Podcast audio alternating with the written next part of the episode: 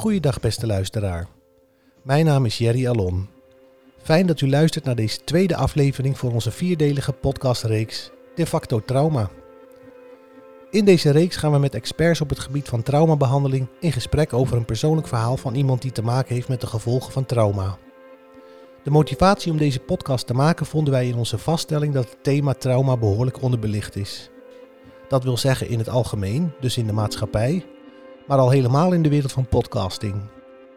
Zeker als je bedenkt dat dit een thema is dat een overgrote meerderheid van ons zal treffen. Want niet minder dan 80% van de mensen krijgt met traumatische ervaringen te maken. De gevolgen hiervan kunnen ook erg ingrijpend zijn. Immers, veel psychische problemen komen voort uit traumatische ervaringen.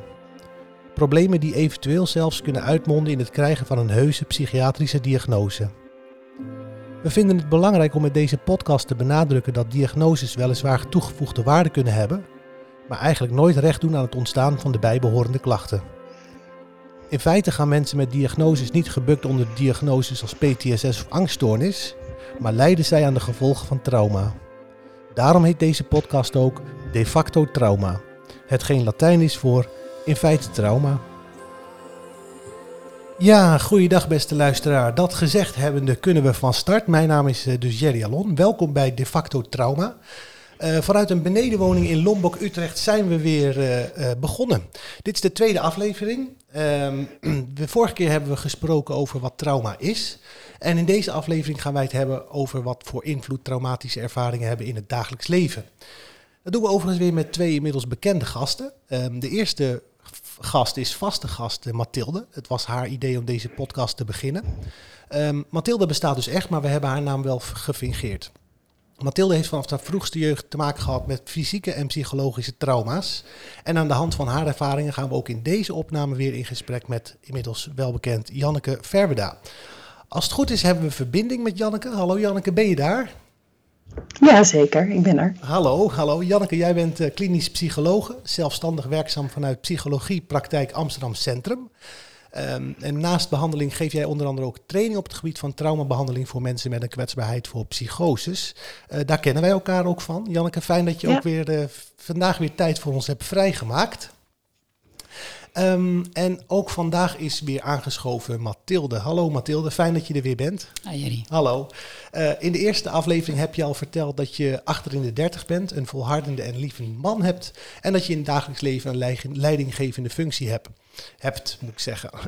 Uh, Mathilde, in de eerste aflevering heb je ons ook verteld dat jij in jouw jeugd de nodige traumatische ervaringen hebt opgedaan, die tot op de dag van vandaag een grote invloed hebben op jouw leven. Um, dat heb je onder andere gedaan aan de hand van het dagboekpassage, zodat zo de luisteraars een klein beetje een, kunnen meevoelen met hoe dat voor jou geweest is. Um, ook vandaag trappen we weer af door te gaan luisteren naar een nieuwe dagboekpassage. Uh, we hebben hem al opgenomen, ik vond hem erg mooi, dus ik zou zeggen laten we snel gaan luisteren naar Mathilde. Mathilde, hier gaan we. Ik wandel in het bos. Voeten lopen, hoofd dat maalt. Ik denk ineens aan de bomen. Natuur, goed voor je. Ik kijk naar ze. Maar nog meer kijk ik naar die vrouw met haar hond en schat ik in hoeveel meter ik nodig heb om buiten verscheurende kaken te blijven. Massage. Vooraf waarschuw ik haar elke keer dat het zinloos is. Ik wil gewoon ontspannen, maar ze blijft maar klauwen en douwen in mijn schouders. Zo, die zijn hard. Heeft u soms veel stress? De sauna, het uitzicht, een enorme glazen pui. De zon, het water schittert, zo mooi. Mijn blik zoekt verder naar het kleine rode hamertje. Als we er niet uit kunnen, moet dat glas kapot. Mindfulness. Mijn mind is vol. Alle dagen ren ik ervan weg. Je vraagt me de doos van Pandora niet alleen te openen, je vraagt me er het first in te duiken. Mijn panzer, mijn harnas, zodra ik mijn ogen open trek ik het aan. Tegen wil en dank, wat een gewicht. De zwarte stromen, de vlagen narigheid, van binnen in goede banen leiden beteugelen, verbergen. De strandbal van ellende onder water houden. Mezelf en de ander overtuigen. Ik kan werken, ik ben sociaal. Adem hoog als een boog, strak gespannen. Ik wil ontspannen. Laat me slapen. Droomloze slaap. Dichter bij rust kom ik niet. Ja, dat was, uh, was weer een mooi, uh, mooi dagboekscène, uh, Mathilde. Je hebt, dit, deze week heb je gekozen voor een gedicht Ja. Ehm, en ja, een hele, heel prikkelend gedicht. En wat, mij, wat bij mij eh, meteen bleef hangen was die rode hamer. Hè? Van als er iets misgaat, dan eh, moet dat raam stuk met die rode hamer.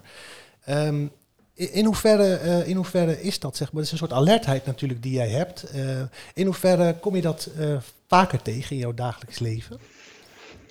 Nou, ik denk dat dat een soort constante, constant zijn is. Dat, dat ervaar ik heel, heel de dag. Als het, ik moet wel zeggen, als het minder goed met me gaat of als ik onder meer druk sta, dan merk ik dat dat echt toeneemt. Ja. Ja.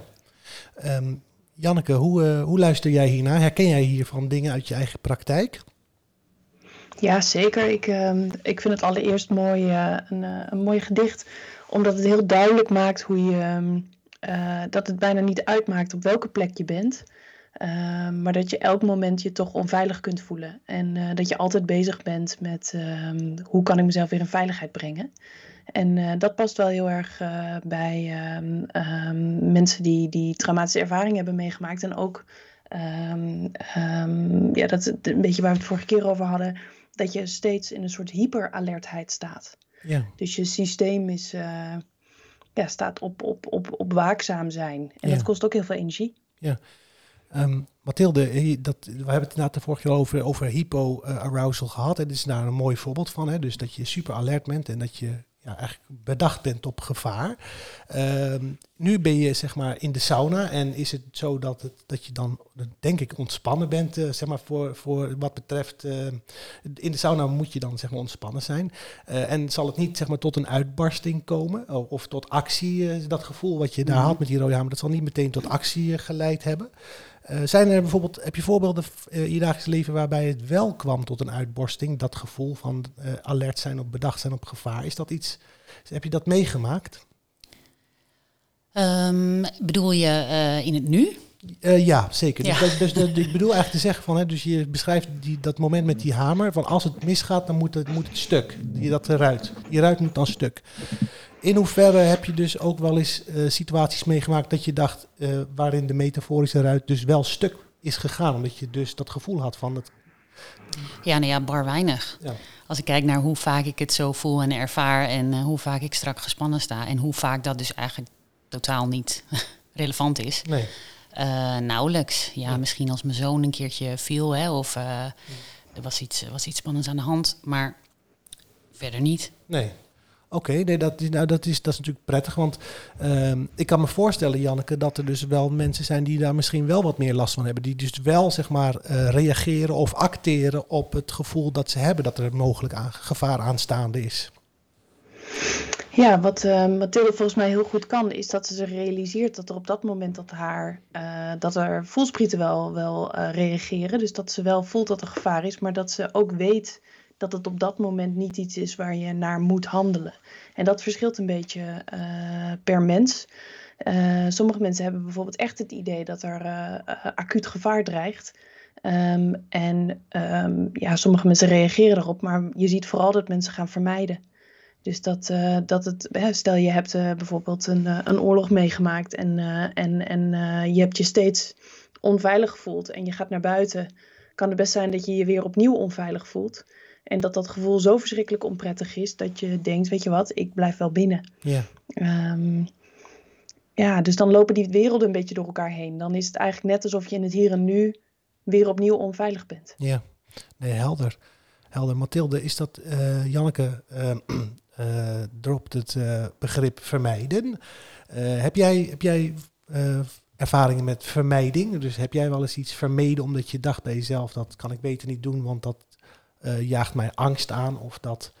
Ja, het is niet zozeer een heel bewust denkproces eh, dat voorafgaat aan het vermijden, maar het is meer ja, bij bepaalde gesprekken. Als ik weet dat spanning op kan gaan lopen, dan ga ik eigenlijk ja, die gesprekken een aantal weken uit de weg. Ja. Ik weet wel dat als ik acuut, eh, als, als iemand mij pijn doet bijvoorbeeld, dat is wel grappig, denk ik net aan, bij de tandarts bijvoorbeeld, vind ik het heel belangrijk dat hij echt uitlegt wat hij, eh, wat hij precies gaat doen en wat ik kan verwachten. Coronastaafje in mijn neus bijvoorbeeld, nou dat, dat vind ik, dat is de hel, want ik, ik weet niet wat er, dat onverwachte, maar ik heb wel eens, ik heb twee tandartsen eigenlijk een soort corrigerende tik gegeven.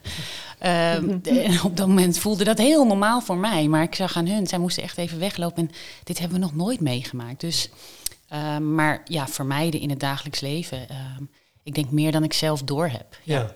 En dat, is, dat zei je al, maar dat is dus geen bewust denkproces. Dat, is, dat zijn dus mechanismes, dat zijn reflexen eigenlijk, als ik, dan zo, uh, als ik het zo mag samenvatten. Ja. Ja, nee, helder. helder. Um, ja, want je, je omschrijft nu een, uh, een situatie bij de tandarts. Hè. Dat is uh, natuurlijk een heel dagelijkse uh, scène uit het dagelijks leven.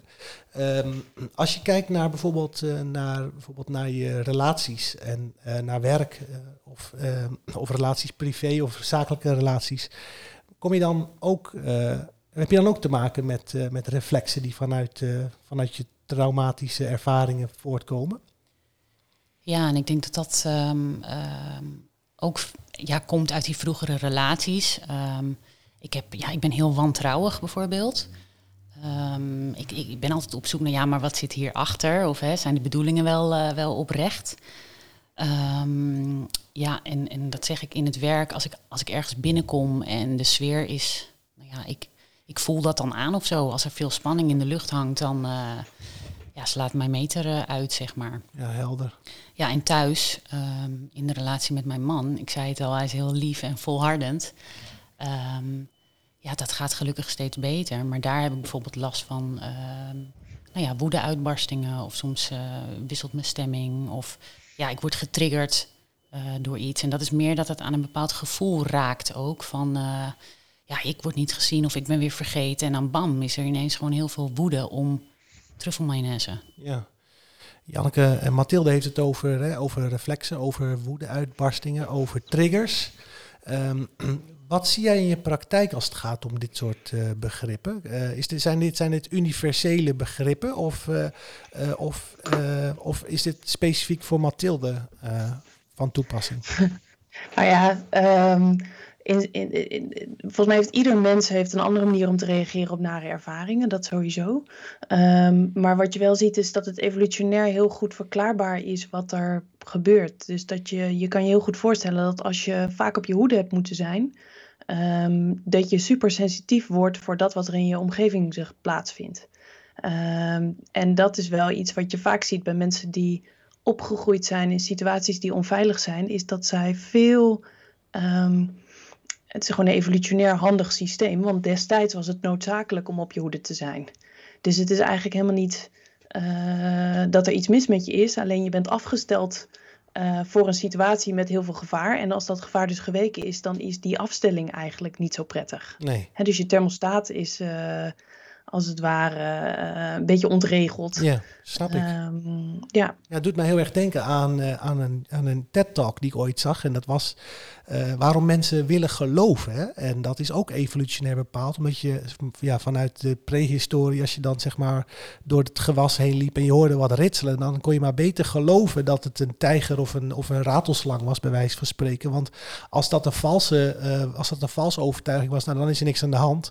Maar als dat zeg maar, als het zeg maar een goede, goede waarneming was, dan kun je vluchten en dan ben je dus uh, aan het overleven. Terwijl andersom, als je denkt bij jezelf van het is een, ik hoor wat ruis en het is een struikgewas en het is de wind bij wijze van spreken. Als je er dan naast zit, dan zijn de gevolgen natuurlijk veel verstrekkender als het wel een tijger of een, of een ratelslang is wat dat betreft. Dus, dus je zegt eigenlijk van het is, het is niet alleen zeg maar een beetje overgevoeligheid of dat je, dat je thermometer of je angstthermometer van slag is, maar het is ook evolutionair bepaald, zeg jij eigenlijk.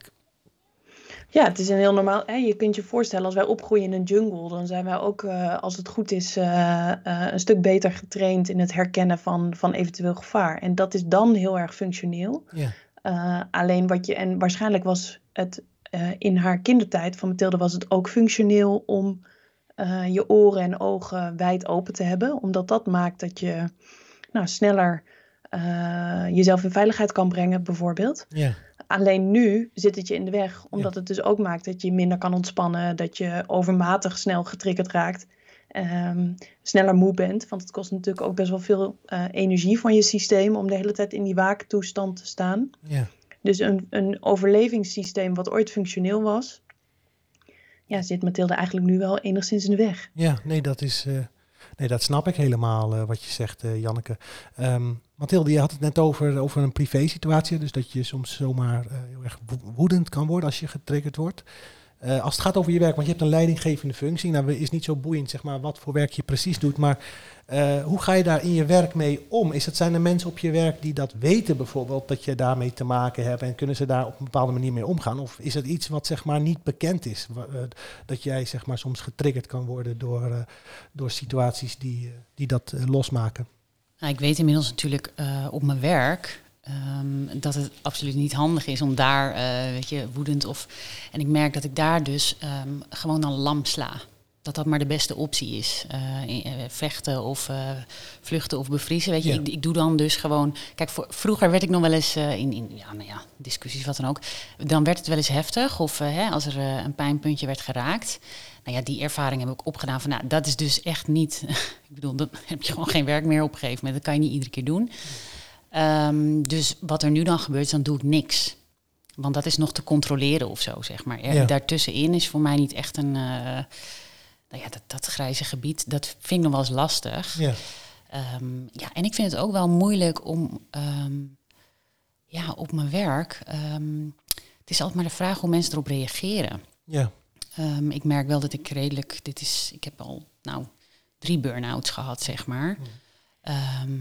Want dat is ook het lastige. Je bent natuurlijk de hele dag gespannen. En wat Janneke ook zegt, je bent de hele tijd heel moe daarvan. Van mm. al dat ja, weet je, dit is de hoofdzaak. En dan heb je dus je werk en je, en je sociale leven en nou, dat hele gebeuren.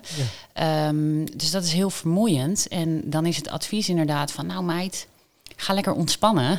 Ja. maar zo simpel is dat dus helemaal niet. Nee. Um, en, en dat maakt het wel lastig. Maar ik vind het ook wel lastig om daar echt ja, open over te zijn op mijn werk. Want uh, ja, straks zien mensen me als een, als een patiënt. En nou ja, ook daarin kan ik dan weer wantrouwig zijn. Uh, dus dat is ja, het voedt en het versterkt elkaar de hele tijd. Dus ja, soms denk ik, het is nog een wonder dat ik het uh, zo ver geschopt heb. Het kost gewoon wel heel veel energie. Ja. ja. Janneke, hoe luister jij hiernaar?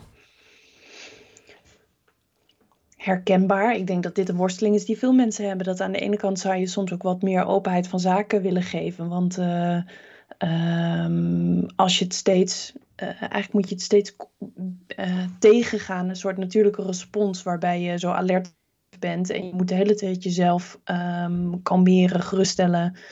Uh, het zou fijn zijn als mensen snappen dat dat zoveel energie kost. Um, op hetzelfde moment kan ik me heel goed voorstellen dat je ook niet altijd zin hebt om ja, dat mensen het ook uit hun, uit hun context kunnen halen en je misschien zielig vinden. Ja. Um, ja. Wat, wat, wat, wat zou je mensen uh, die hiermee worstelen aanraden? Is het iets wat je bespreekbaar moet maken of kunt maken? Of uh, is er zeg maar dat bevriezen wat, uh, wat, wat Mathilde beschrijft, is dat een, is dat een strategie die, die werkt? Of hoe, hoe, hoe zie jij dat? Nou, allereerst wat, je, wat volgens mij wat mensen heel vaak doen, is dat ze het zichzelf kwalijk nemen. Dat ze heftig reageren of dat ze boos worden op zichzelf, omdat ze misschien niet de rust bewaard hebben. Ik denk dat die strategie niet zo goed werkt. Ik denk dat het heel erg helpt om je te realiseren dat het iets is waar je vaak echt niks aan kan doen. En uh, dat het echt te maken heeft met de ervaringen die je hebt gehad. En dat het een hele normale uh, respons op abnormale omstandigheden is. Um, en wat wel kan helpen is als je weet dat het speelt, kan je er natuurlijk wel deels op anticiperen. Um, door um, uh, een aantal cognitieve strategieën aan te leren. Want het, het lastige is, dit is het lijf. Hè? En dit, dit zijn zulke automatische processen die gaan heel snel. Yeah. Uh, en eigenlijk moet je dus proberen om jezelf vanuit je hoofd steeds bij te sturen. Um, en dat is ook wat zoveel energie kost. Dus je moet jezelf als het ware vertellen: ja, ik reageer nu heel heftig, maar dat heeft te maken met vroeger. Dat wil niet zeggen dat het in het hier en nu onveilig is. Nee. Nou ja, dat lukt de ene keer beter dan de andere keer. Dus ik denk mildheid naar jezelf, een beetje begrip. Um, en jezelf elke keer weer geruststellen, net zolang totdat dat een beetje inslijt. Ja, dat is een heel mooi gezegd. Ik denk dat dat ook wel iets is waar heel veel mensen wat mee kunnen, Janneke.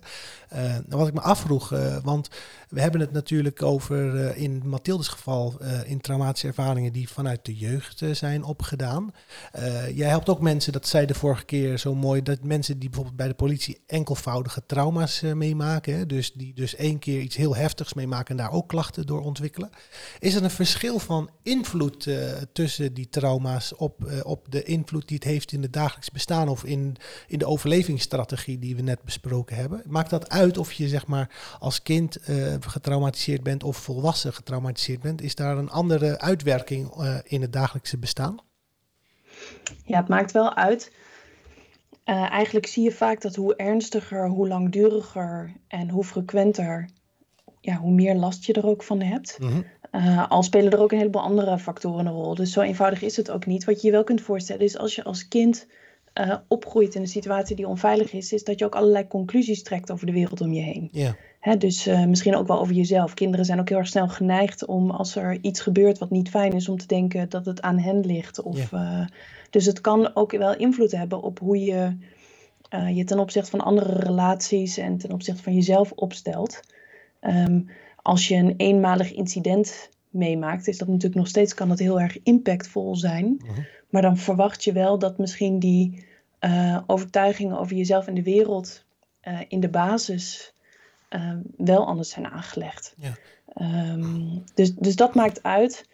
En verder maakt, ja, god, eh, de, elke situatie is heel anders. En um, wat misschien nog wel een belangrijk onderscheid is, we hebben het heel erg in trauma in trauma is een, een heel breed begrip eigenlijk. Mhm. Ehm, soms is het wel zo dat, en dat kan ook na een eenmalig incident, is dat je iets meemaakt en dat dat heel sensorisch wordt opgeslagen. Mhm. Ehm, en dat je echt nog heel duidelijk herbeleving hebt. En, um, en dat kan in beide situaties. Dat kan uh, zijn als je, als je op latere leeftijd iets meemaakt. Daar, mhm. hè, maar dat kan ook zijn als je als kind wat meemaakt. Ja. Dus de behandelingen lijken ook wel weer heel erg op elkaar. Oké, maar wat ik wel begrijp eigenlijk als het gaat over een verschil, wat ik er een beetje uit, jou, uit jouw antwoord destilleer, is eigenlijk dat, uh, dat, als het, uh, dat als het kinderlijke trauma's zijn, of in, de, in de kindertijd opgedane trauma's zijn, dat je dan zeg maar met een, met een meerdimensionale uitwerking in, in de dagelijks leven komt. Namelijk niet alleen van dat je dus wordt getriggerd, kan getriggerd kan worden door, door situaties die dan zeg maar dat trauma oproepen en daar een bepaalde actie uh, op volgt. Maar dat ook bij, uh, dat er bij, bij trauma's in de jeugd ook nog een dimensie is van ehm, ja, dat, dat je ook nog jezelf gaat, dat je jezelf gaat neerhalen. Of dat je, dat je wat harder naar jezelf bent. Omdat je dus conclusies hebt betrokken op basis van, van die trauma's die in de jeugd zijn opgedaan. Heb ik dat goed, heb ik dat goed omschreven? Ja, je omschrijft het goed. En kijk, het, het lastige is, elke situatie is, dat zei ik net, is er echt gewoon heel anders. Maar wat je je kan voorstellen is, stel jij groeit op in een gezin waar het onveilig is en waar je ook steeds verteld wordt dat jij niet de moeite waard bent. Ja. Dan is daar ook niet heel veel corrigerende informatie. Dus dan, dan zorgt dat natuurlijk dat je op dat moment ook een wereldbeeld ontwikkelt wat zodanig is. Ja. Um, het is wel zo dat als je dat wereldbeeld al hebt en dat is al kwetsbaar en je maakt dan vervolgens op latere leeftijd nog iets naars mee, dan kun je je voorstellen dat dat fundament ook al minder sterk is dan wanneer je vanuit huis een, een wat steviger zelfbeeld hebt meegekregen. Ja, nee. Dus het, het maakt natuurlijk heel erg, het zijn vaak stapelingen van een aantal factoren bij elkaar.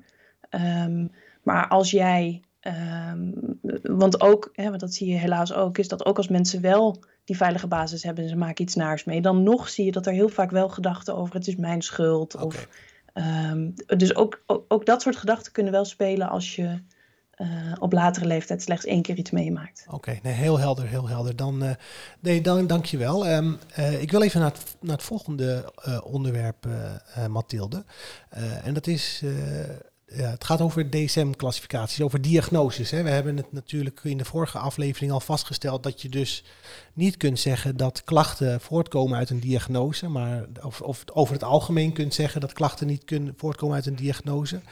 Uh, maar het is wel zo dat als je een diagnose krijgt, dat je dan dat dat wel iets doet met je zelfbeeld wat dat betreft. Uh, mag ik jou vragen, Mathilde, heb jij bijvoorbeeld wel eens een DSM-diagnose gekregen en, en in hoeverre uh, in hoeverre heeft dat invloed gehad op de manier, dat je naar, op de manier waarop je naar jezelf keek? Um, ja, één keer officieel. Toen was ik echt nog wel vrij jong. Um, toen was de uh, bipolair was de diagnose. Mm -hmm. En um, verderop, weet je, ja, dan je komt in een soort tunnel terecht. Ja. En dan is dat ook alles wat je ziet of zo, wat ik zag. Um, dan zag ik dingen gebeuren en dan inderdaad, oh ja, zie je wel.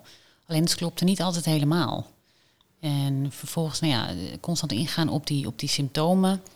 Ehm, en dan kun, je, dan kun je er ook alle kanten mee op. Dan gingen we van eventueel ADHD naar eventueel autisme, naar uh, hoogbegaafdheid. Uh, van alles past er dan wel een beetje in of zo. Maar ja, het voelde niet eh, zo van, oh, dit is hem of zo. En ik had wel heel erg die behoefte.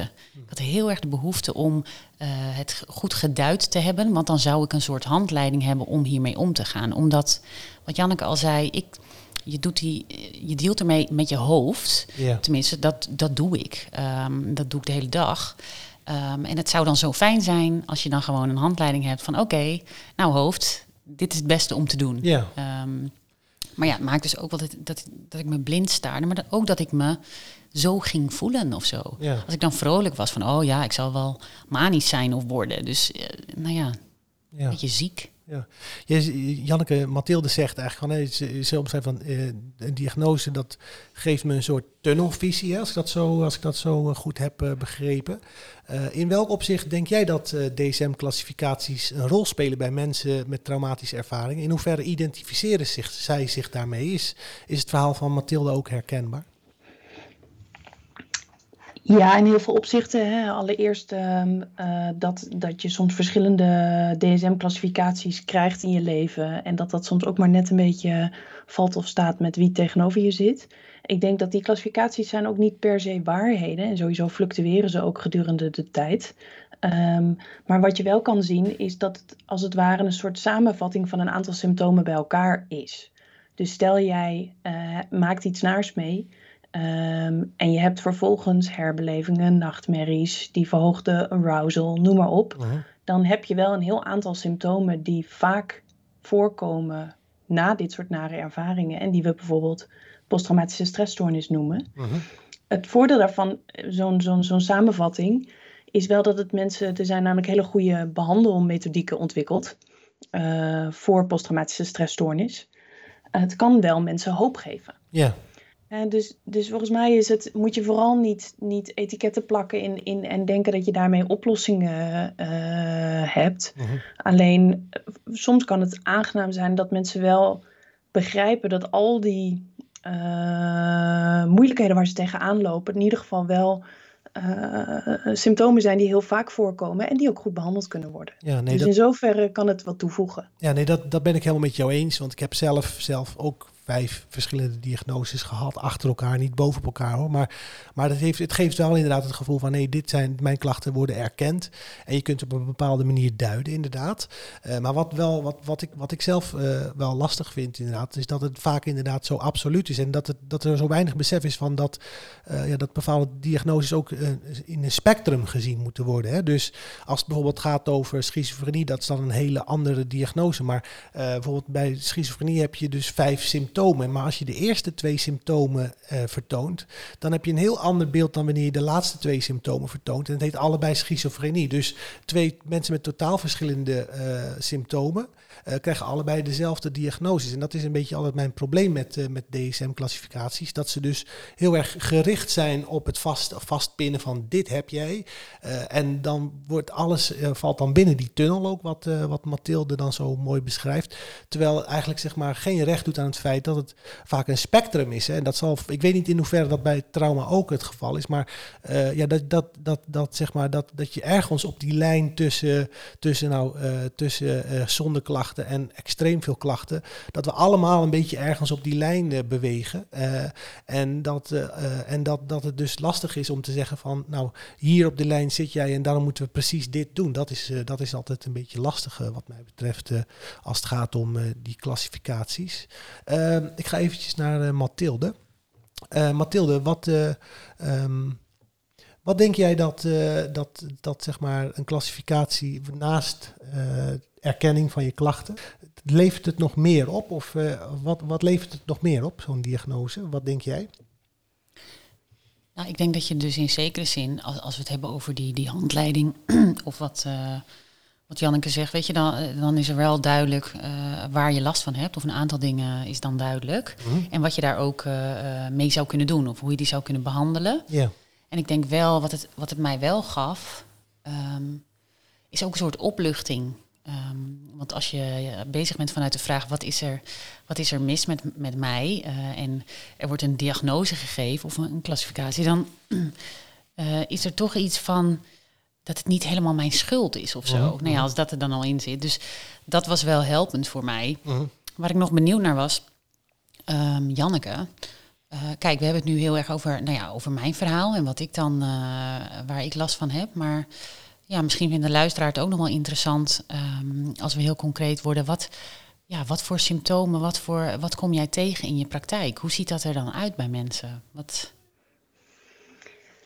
Um, nou ja, ik, ik, ik behandel mensen die um, uh, echt, ja, ik weet niet, lichte trauma's bestaan niet, denk ik. Maar in ieder geval mensen die um, uh, van, van oorlogstrauma, dus echt verhalen die lezen als een boek. Met, van, van, van, van besnijdenis tot aan, uh, aan, aan burgeroorlog. en mensen die op hun werk een naar incident meemaken en daar last van hebben.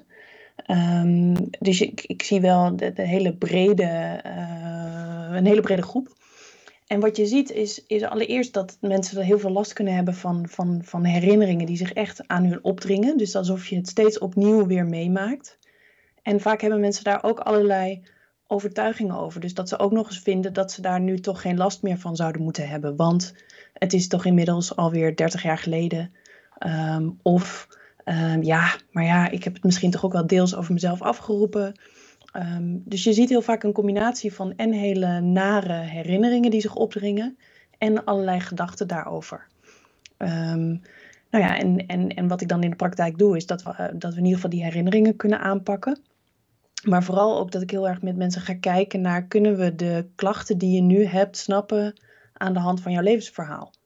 Want heel veel mensen vinden zichzelf vaak ook raar of gek. Of uh, zeggen, nou ja, ik heb toch ook allemaal zulke uh, gekke dingen. Terwijl als je, als je kijkt, dan is het bijna altijd een heel logisch gevolg van wat mensen hebben meegemaakt. Um, en wat ik ook wel zie, is sommige mensen hebben um, heel aanwijsbaar geweld meegemaakt. Maar er zijn ook best wel veel mensen die bijvoorbeeld juist dingen gemist hebben. Um, en dat valt dan minder onder het kopje trauma, maar dat heeft wel degelijk heel veel impact. He, iemand die uh, in een gezin opgroeit waar weinig liefde was, of, uh, daar kan je natuurlijk ook allerlei um, ja, klachten aan overhouden, die soms wat minder makkelijk te pinpointen zijn. Dus het is een zoektocht naar welke ervaring heb je, hoe past die bij je klachten en wat kunnen we daarmee doen en, en ook het verhaal snappen. Ja. Mooi, helder. Ja. Um, Mathilde, Janneke, we, gaan, uh, we zijn alweer uh, ruim aan de tijd. Uh, dat gaat echt super snel altijd. Ik, ik denk dat dat een goed teken is. Laten we dat maar vaststellen met z'n drieën. ik wil jullie tot slot wil ik jullie allebei vragen. We hebben vorige keer hebben heb ik een beetje gedistilleerd wat, wat mijn take-home message zou zijn als we terugkijken op deze aflevering. Ik wou dit keer aan jullie vragen. Wat, is, wat nemen jullie mee uit deze, uit deze uitzending. En laat ik beginnen bij uh, Janneke. Janneke, wat, uh, wat neem jij mee uit deze uitzending?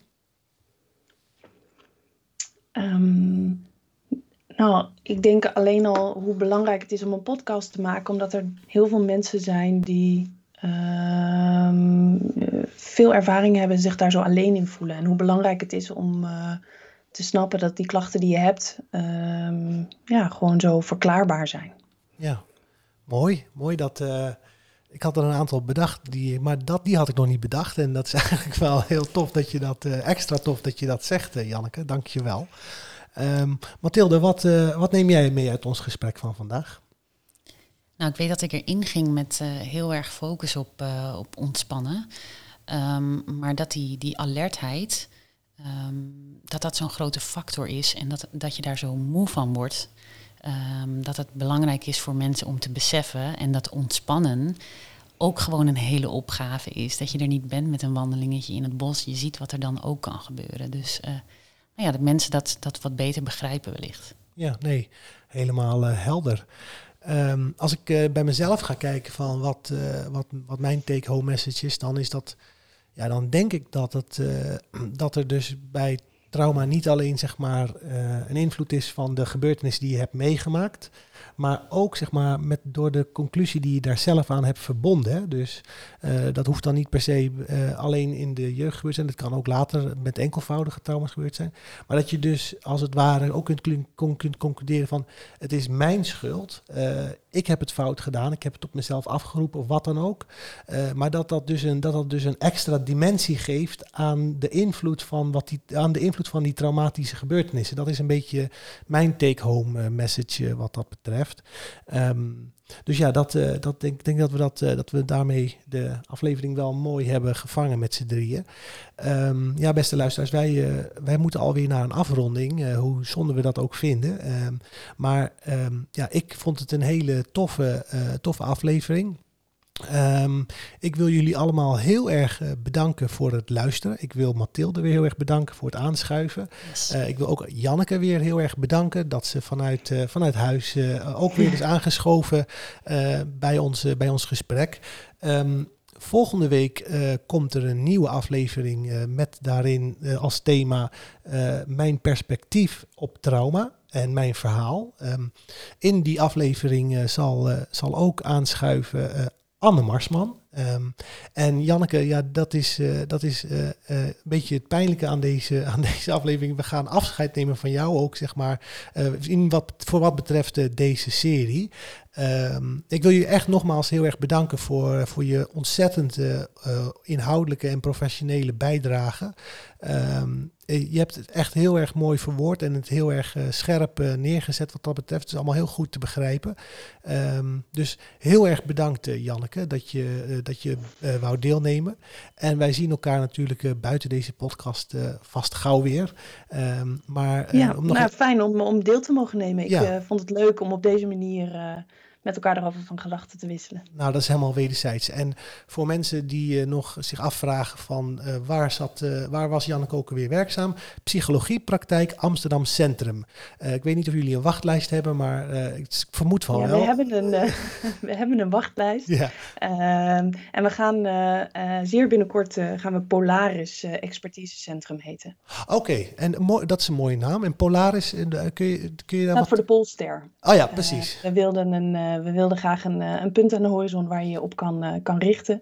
En wij, wij zijn meerdere psychologen en houden ons wel veel bezig met ook traumatische ervaringen. Kijk, kijk. Dus, ja. dus nou, Polaris, dat is dan bij deze nog maar even gezegd. Dus misschien is dat de scoop, of was dat al bekend? Nou, het is een beetje een scoop. Ai.